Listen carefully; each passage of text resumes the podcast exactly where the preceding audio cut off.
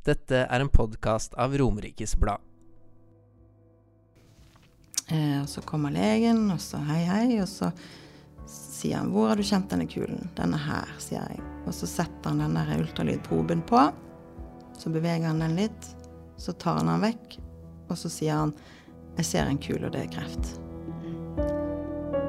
Og da raste jeg.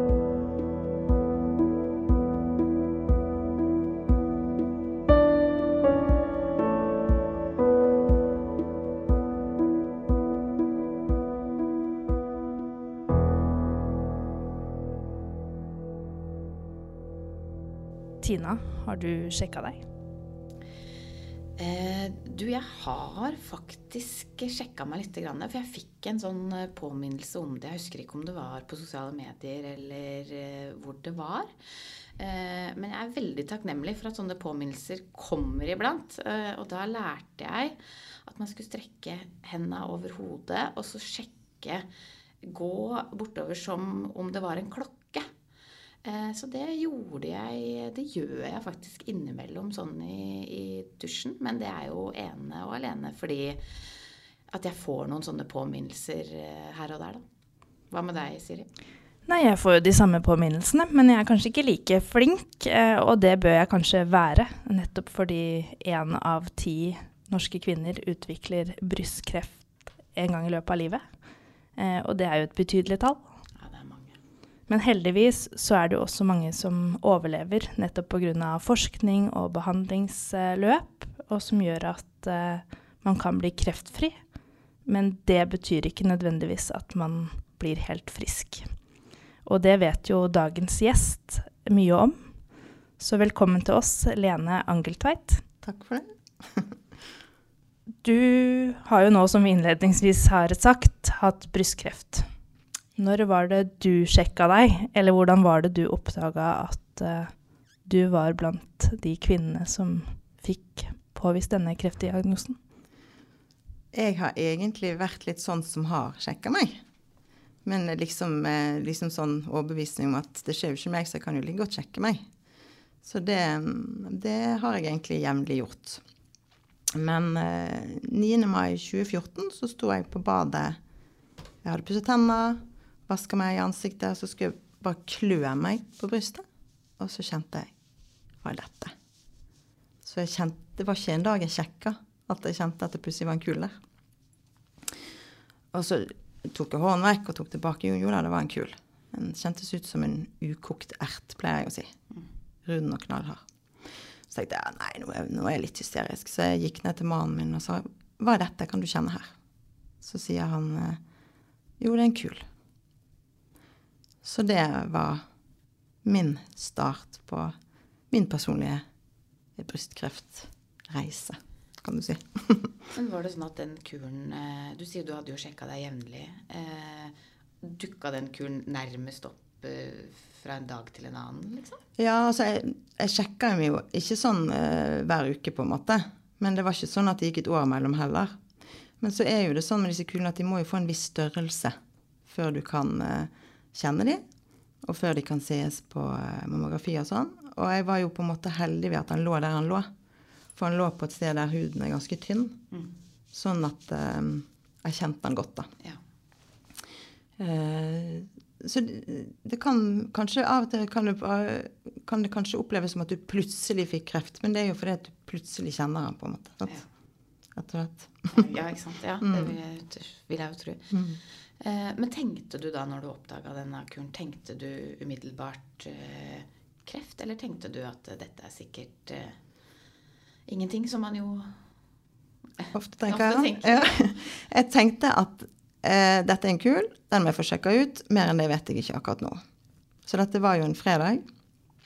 Så mandagen ringte jeg til fastlegen og fikk en akuttime. Eh, var vel der samme dag, så vidt jeg husker. Jeg husker ikke helt, helt nøyaktig. Uh, og han sier jo men du vet det, Lene, at de fleste kuler er ufarlige. Ja, ja, ja, men uh, vi må jo sjekke det ut. Så henviser han meg til Ahus.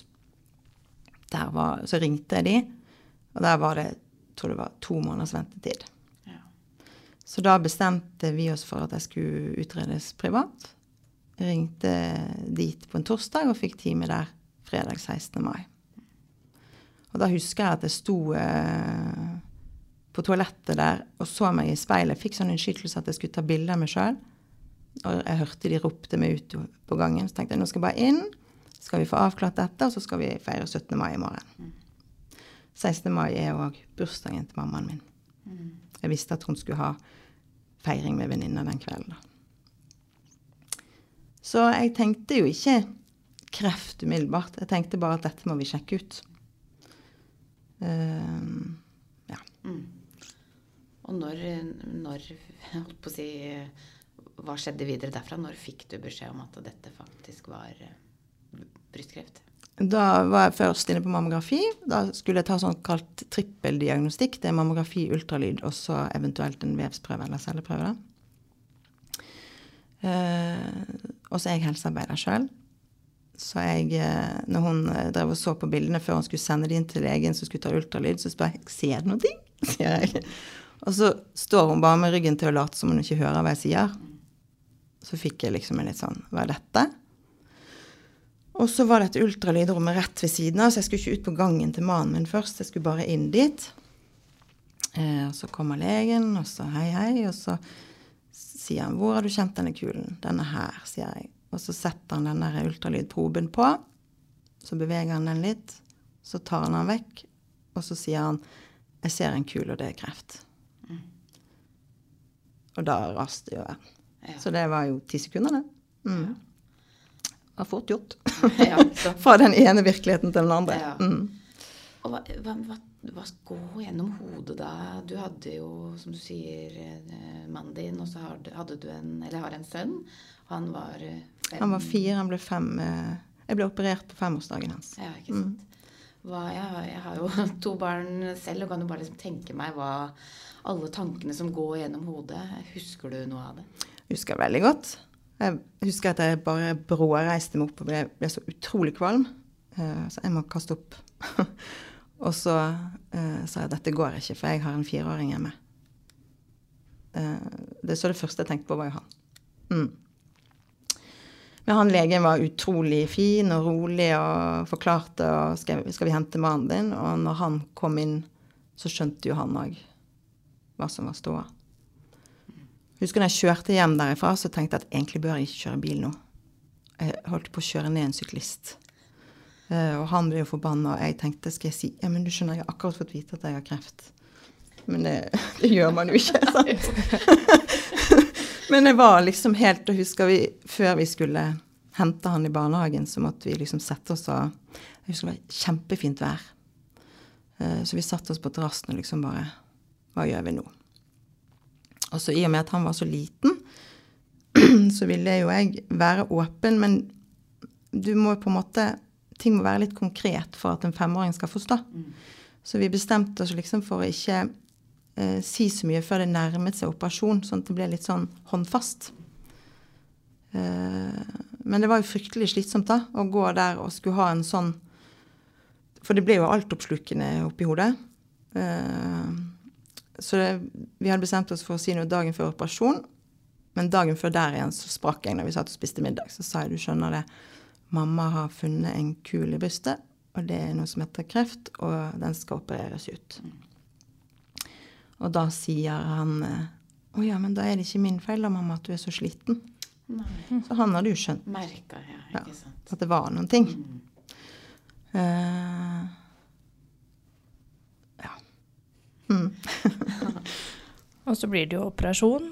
Og hvordan er egentlig livet ditt mens behandlingen pågår? Altså operasjon og videre behandling? Jeg var, jo, jeg var bare 39 år, så jeg ble jo forespeilt veldig tidlig at jeg skulle ha både operasjon, cellegift, um, strålebehandling og eh, antihormonbehandling. Og så fikk jeg òg en gentest, da, med tanke på at jeg var så ung. Unnskyld. Uh, så ble da operert på bursdagen til sønnen min. Jeg husker jeg insisterte på at vi skulle ha barnebursdag. jeg var kjempesliten, men jeg tenkte at vi må på en måte holde på det, mest, det som er normalt, på en måte. Da Da hadde vi hatt den 17. mai, og da, det var vel en av de få gangene jeg ikke har brukt bunad. For jeg, eh, Jeg klarte ikke å drive og fikse sølvet da på 16. mai, som jeg hadde planer om. Eh, men den barnebursdagen skulle vi ha.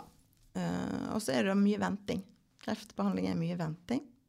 Du går og lurer på er det noe spredning, hva slags behandling blir det. Så tre uker etter operasjon så fikk jeg vite at jeg bare i gåseøyne skulle ha stråling. Da lurer man jo på er det trygt, da? Ja.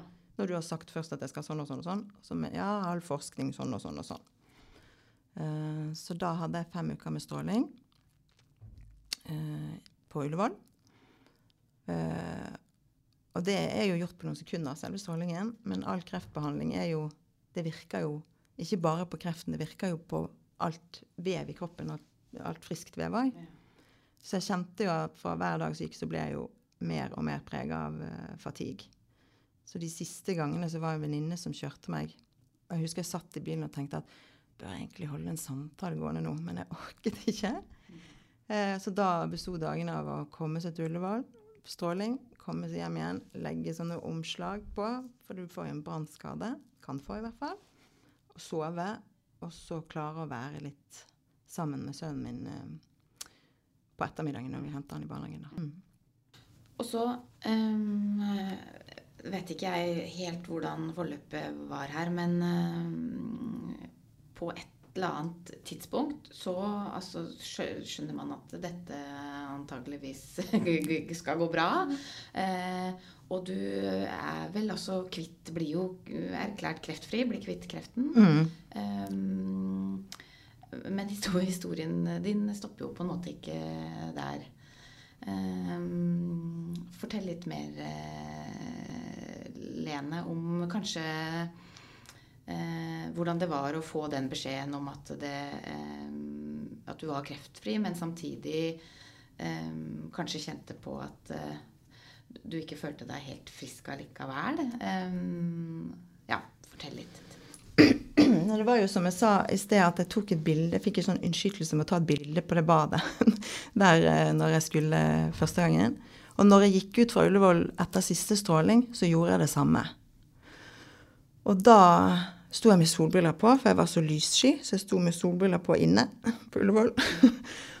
Og jeg ser jo de bildene, så ser jeg jo at jeg ser jo ikke syk ut på det første bildet, der jeg er alvorlig syk. Men på det siste bildet så ser jeg jo syk ut. Men da, ga, da var jeg liksom sånn bestemt på at jeg skulle gi meg sjøl tid på Jeg skulle ikke stresse med å bli bedre. Men samtidig så favner du rundt i blinde. For når du er under behandling, så blir du på en måte tatt vare på, og du har avtaler med leger, og du kan spørre om alt du lurer på. Og så kastes du bare ut i ensomheten.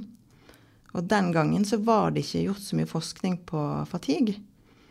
eh, Som jeg opplevde å få veldig, veldig kraftig, da. Så eh, jeg eh, opplevde jo en veldig sånn famling i blinde. Og er dette normalt? Og havna på legevakt noen ganger, for plutselig så mista jeg kraften i armen. Og, og, og sånne ting, da. Og veldig lite folk du kunne vende deg mot. Når du da ikke hadde en fast kontakt i helsevesenet lenger. Ikke sant. Og jeg har hørt, eh, når jeg snakka med, med andre som har eh, opplevd å ha kreft tidligere, så, så har de også snakka litt om det her med å Man er jo på en måte kreftfri, og an, folk rundt en har kanskje en slags forventning om at nå er det bare fryd og gammen, og alt har gått bra, og hipp hurra, og ja, alt er så fint, da. Og så kjenner man kanskje at eh, ja, ja, man er kreftfri, men eh, alt er ikke bare fryd og gammen allikevel. Og så blir det litt sånn vanskelig eh, ja, Det ene er forventningene folk kanskje har, eh, og du sjøl kanskje har også. Og så er det ikke helt, blir det ikke helt sånn. Nei, jeg var litt sånn glad for han onkologen på Ullevål. Han sa nå regner vi deg som kreftfri. Uh, han sa de har slutta å bruke frisk. Frisk, ja. Og det syns jeg er litt fint, for det, for det at uh, det gjør noe med forventningene når man bruker ordet frisk. sant? Frisk, frisk. Eh, Men jeg eh, Nå mista jeg litt tråden. Det er en del av det å ha fatigue å miste litt tråden. Men det er jo Det er jo ikke veldig lett å se på meg eh, at jeg til tider eh, er veldig dårlig. Og det var det kanskje ikke da heller. Det er som du sier, at alle rundt 'Å, så deilig, og dette gikk jo bra, og nå kan vi puste ut', og sånne ting. Mens eh, du sjøl aldri har følt deg sjukere i hele ditt liv når du går ut den døra, liksom.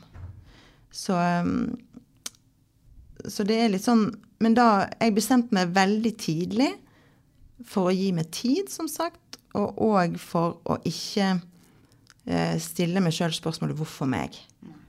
Og òg det der å ta en dag av gangen. Um, men så blir man utålmodig etter en stund da, når dette aldri går over. liksom, For de sier ja, det kan være noen måneder og sånne ting. Og så var legene den gangen var de veldig forsiktige med å snakke om bivirkninger og seinskader. For det at de ville ikke skremme folk. Nei, nei. Eh, og, og det kan virke begge veier, det, altså. Men det kan òg gjøre at du da, når du vet veldig lite, så går du rundt og lurer, lurer på skal det være sånn at kreften kom tilbake nå, når du føler deg så sjuk, liksom. Mm.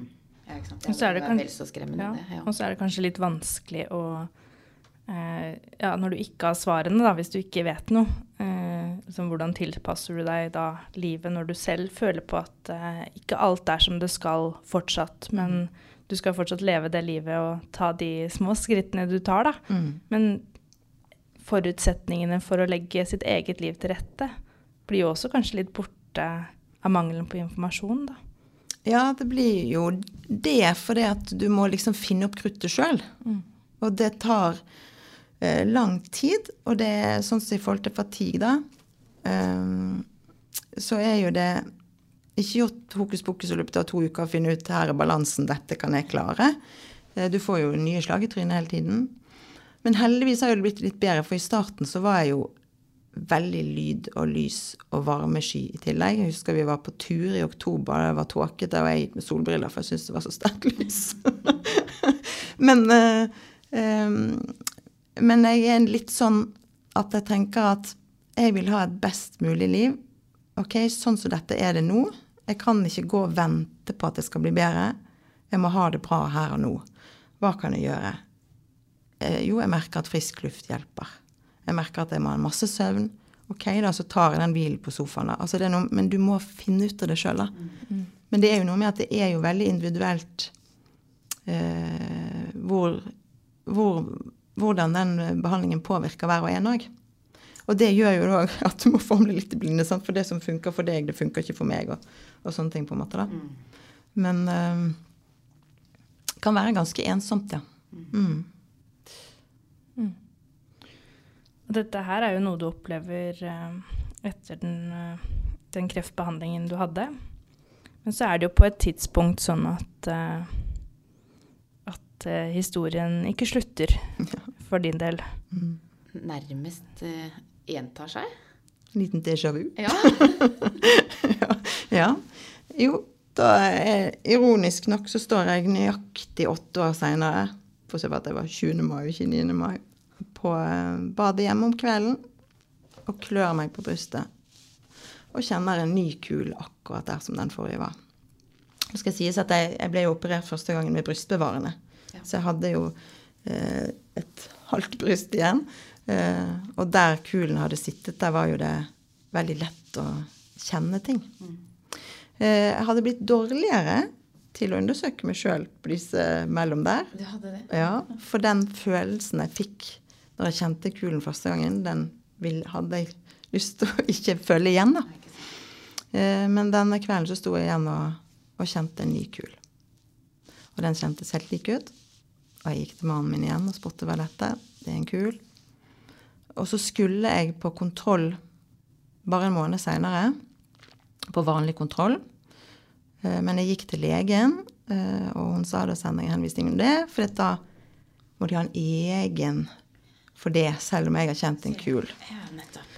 Eh, og så skulle vi eh, Da hadde vi bryllupsdag tre dager seinere, og da var meg og mannen min ute og sykla. Jeg husker jeg var ingen folk som skreik ut at jeg orka ikke én runde til. Uh, for jeg kjente så veldig på meg at dette er for likt, på en måte. Og i mellomtiden der så har jeg hatt andre kuler i brystet, men de kjennes helt annerledes ut. sant? Syster og sånne ting. Um, så da skulle vi på ferie. Eh, åtte år tidligere så skulle vi til Kroatia, men måtte avlyse. Fikk ikke lov å dra. Skulle til Kroatia denne gangen da. og så sier mannen min det var lang ventetid, sant? en måned. Skal vi gjøre det privat? Nei, sier jeg. Jeg skal ha den ferien. Skal jeg til Kroatia. Så vi dro på ferie. Og så når jeg kom hjem, så var jeg på sykehuset dagen etterpå, tror jeg. Da, Kulen ble jo ikke vekke. den var der, den. Um, men da skjønte jeg at nå kommer, nå kommer antageligvis livet til å snu igjen. Og da gikk jo det fort eh, når han satte ultralyden på og så litt. Så merker du hvordan stemningen i rommet endrer seg, og eh, han eh, sier ja, kjenner du noen av sykepleierne her, da? Han kunne liksom ikke si noe før han hadde tatt en prøve, da. sant? Men jeg skjønte jo eh, hvor det bar. Ja. Uh, og, da, og det var jo òg da ganske stor forskjell på en femåring og en 13-åring. ja. Det vil jeg. Ja. Og den femåringen han kunne være i barnehagen hele sommeren og ikke merke så mye til alle disse gangene jeg var på sykehuset. Mens denne 13-åringen, han hadde jo lang sommerferie. Som vi som regel er på hytta hele sommerferien. Eh, og når du får et tilbakefall, så er liksom ikke forløpet så Det er ikke et pakkeforløp på samme måten, da, sånn strømlinjeforhold. For det er så mye som undersøkes, da, med tanke på spredning og alt mulig sånne ting. da. Ja, for det er helt annerledes da, når det er snakk om tilbakefall. Mm. Da var jo det eh, MR og CT og såkalt sintigrafi som går på skjelett, for å se om For det, det var jo tilbakefall, det var jo ikke ny kreft. Så det betyr jo at disse cellene har fått lov å godgjøre seg i åtte år inn i kroppen min. Eh, og så fant de noe på leveren, og så må de sjekke ut det. Og da Det er jo et kaos av følelser. Eh, og du føler at det er enda mer på spill enn en første gangen, på en måte, da. Mm. Men de fant heldigvis ingen spredning. Eh, men det tok jo lang tid før jeg kunne operere, for de måtte jo gjøre alle disse tingene først. Ja. For hvis de hadde funnet spredning, så hadde de ikke jo prioritert å, å eh, ta vekk brystet, f.eks. De måtte bare begynt på behandling med en gang, da. Mm. Men da når du på en måte får beskjed om eh, at det ikke er spredning, det blir operasjon, eh, så veit du jo denne gangen litt mer om eh, hva som venter etterpå også. Mm. Em, du, man klarer jo kanskje å glede seg over at det ikke er spredning og sånn allikevel, men hvordan var følelsen da når du fikk denne beskjeden? At det ikke var spredning. Ja, og at det ble operasjon og ja, Du visste, Ja, mm. veit jo hva som kommer. Litt, i hvert fall. Det blir, jeg pleier å si at det er en sånn uh, tom følelse av lettelse. Det er ikke hallelujastemning og alle ler og klapper. det er, men det er mer en sånn åh, Da kan vi slippe det, på en måte. Um, Én ting Mm. eh, man kan eh, mm, legge fra seg. mm. For ja. Egentlig. Mm. Men var det verre å gå inn i Nå er det jo ikke sånn at man har noe valg, men var det verre denne gangen fordi du visste på en måte at ok, jeg kan bli kreftfri, men det er antageligvis en del andre ting som vil følge meg framover allikevel? Jeg, jeg syns det var verre denne gangen fordi jeg visste at det var en større sannsynlighet for at det kunne være spredning. Og den vonde samtalen der måtte jeg jo ha med en eh, kreftkoordinator. Fordi hun ringte meg og fortalte at de har funnet noe på leveren din som vi må sjekke ut. Og så sier jeg at hvis det på leveren er spredning, hva skjer da? Og da sier jo hun nei, da kan vi ikke gjøre deg frisk. Det, og det snakket de aldri om i første runde. Vi skal gjøre deg frisk, snakket de alltid om da. Sant? Så det er noen sånne vonde samtaler og tanker du går gjennom på en helt annen måte, da. I hvert fall gjorde jeg. Enn første gangen, da. Eh, og så trodde jeg jo òg at jeg visste mye mer hva jeg gikk til, men så denne gangen fikk jeg jo ikke stråling. Men jeg eh, går på antihormontabletter, som jeg helst skal bruke i ti år. som gir noe vanvittig mye bivirkninger. Eh, det er både de bivirkningene som er plagsomme, og så er det de bivirkningene som jeg ikke kanskje merker, men som er farlige. sant? Ja. sånn som eh, leversykdom, hjerneslag, hjerteinfarkt og alt sånne ting. Eh, og så er det de plagsomme tingene som er enda mer fatigue, nattesvette, hetetokter, smerter i ledd og sånne ting. Så jeg trodde, tenkte jo nå Dette kan jeg jo, dette har jeg gjort før. Men det jeg ikke tok høyde for, at nå går jeg jo på noen nye medisiner. Så jeg kan ikke karre meg tilbake der jeg var etter første runde engang. Fordi at disse gjør meg så dårlig, på en måte. Så det er ganske forskjellig, ja. ja. Så selv om man vet på en måte litt, da, fordi man har vært uh, gjennom en runde, så er det fortsatt nye ting Mm. man må lære seg, akseptere, tilpasse seg, Mm. og som er uvant. Mm. Og så fjerner de jo hele brystet denne gangen òg. Eh, og det er jo en omstillings... Og det gjør jo òg at jeg har mye smerter i den siden og sånne ting. Mm. Um, og da må man begynne å se på sin egen kropp på en annen måte òg. Så det er liksom Ja. For mange vil jo kanskje tenke når man fjerner brystet, at det er en påkjenning oppå eh, det faktiske sykdommen, da. Mm. Hva er dine tanker rundt akkurat det at du måtte fjerne brystet? Jeg føler meg ikke mindre feminin, sånn som jeg hører mange si. Og jeg går jo uten protese fordi jeg har så mye smerter at det er vondt å ha en protese der.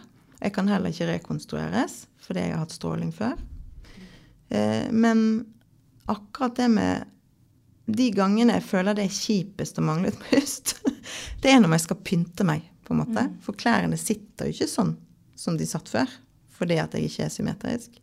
Og jeg, jeg vil jo aldri ha en kløft mer i hele mitt liv. Det kan jeg jo leve uten. Det går greit. Men det er, det er ikke de tingene du tror når du ikke har opplevd det, som slår til. Det er liksom helt andre ting, da, på en måte. Mm. Eh, og akkurat det der med å ikke bruke protese, det er et så enkelt valg når jeg kjenner hvor stor forskjell det er på smertene i, i brystveggen og skulderen min. Da. da blir ikke det så viktig. Så det, og jeg, jeg tenker heller at er heller ikke noe jeg skammer meg over. Nå har vi akkurat vært i Spania, jeg går i bikini. Og jeg tenker at glor du, så får du bare glo. For jeg tror folk skjønner ganske kjapt hva det handler om. Mm. Eh, så det er på en måte ikke det aller verste, egentlig. Selv om det ikke er kult, det heller, liksom. Nei, nei. Så eh, ja. Mm. Mm. Er, går det an å si noe om det, Helene? Hva er det, hva er det aller verste? Det aller verste mm, for meg er alle disse seinskadene etter behandlingen og de bivirkningene av medisin eller lever med nå. Eh, og så er det òg eh, hva det gjør med deg at livet endrer seg så utrolig raskt og helt ut av det blå. Det tar vekk en sjelefred som, eh, og noen sånne tanker om at nei da, det skjer ikke meg. Eh, som du på en måte ikke kan tenke lenger, da. For det skjedde faktisk meg to ganger. Eh, samtidig så ser du jo ekstremt tydelig hva som er viktig her i livet. Og det er ikke bucketlist med hopping i fallskjerm og reise rundt i alle verdensdeler og sånne ting. Men det er jo det du savner aller mest når du er skikkelig sjuk, det er hverdagen. Bare å sitte i sofaen om morgenen med sønnen min og drikke en kopp kaffe uten å bli kvalm. og eh, kunne være der bare.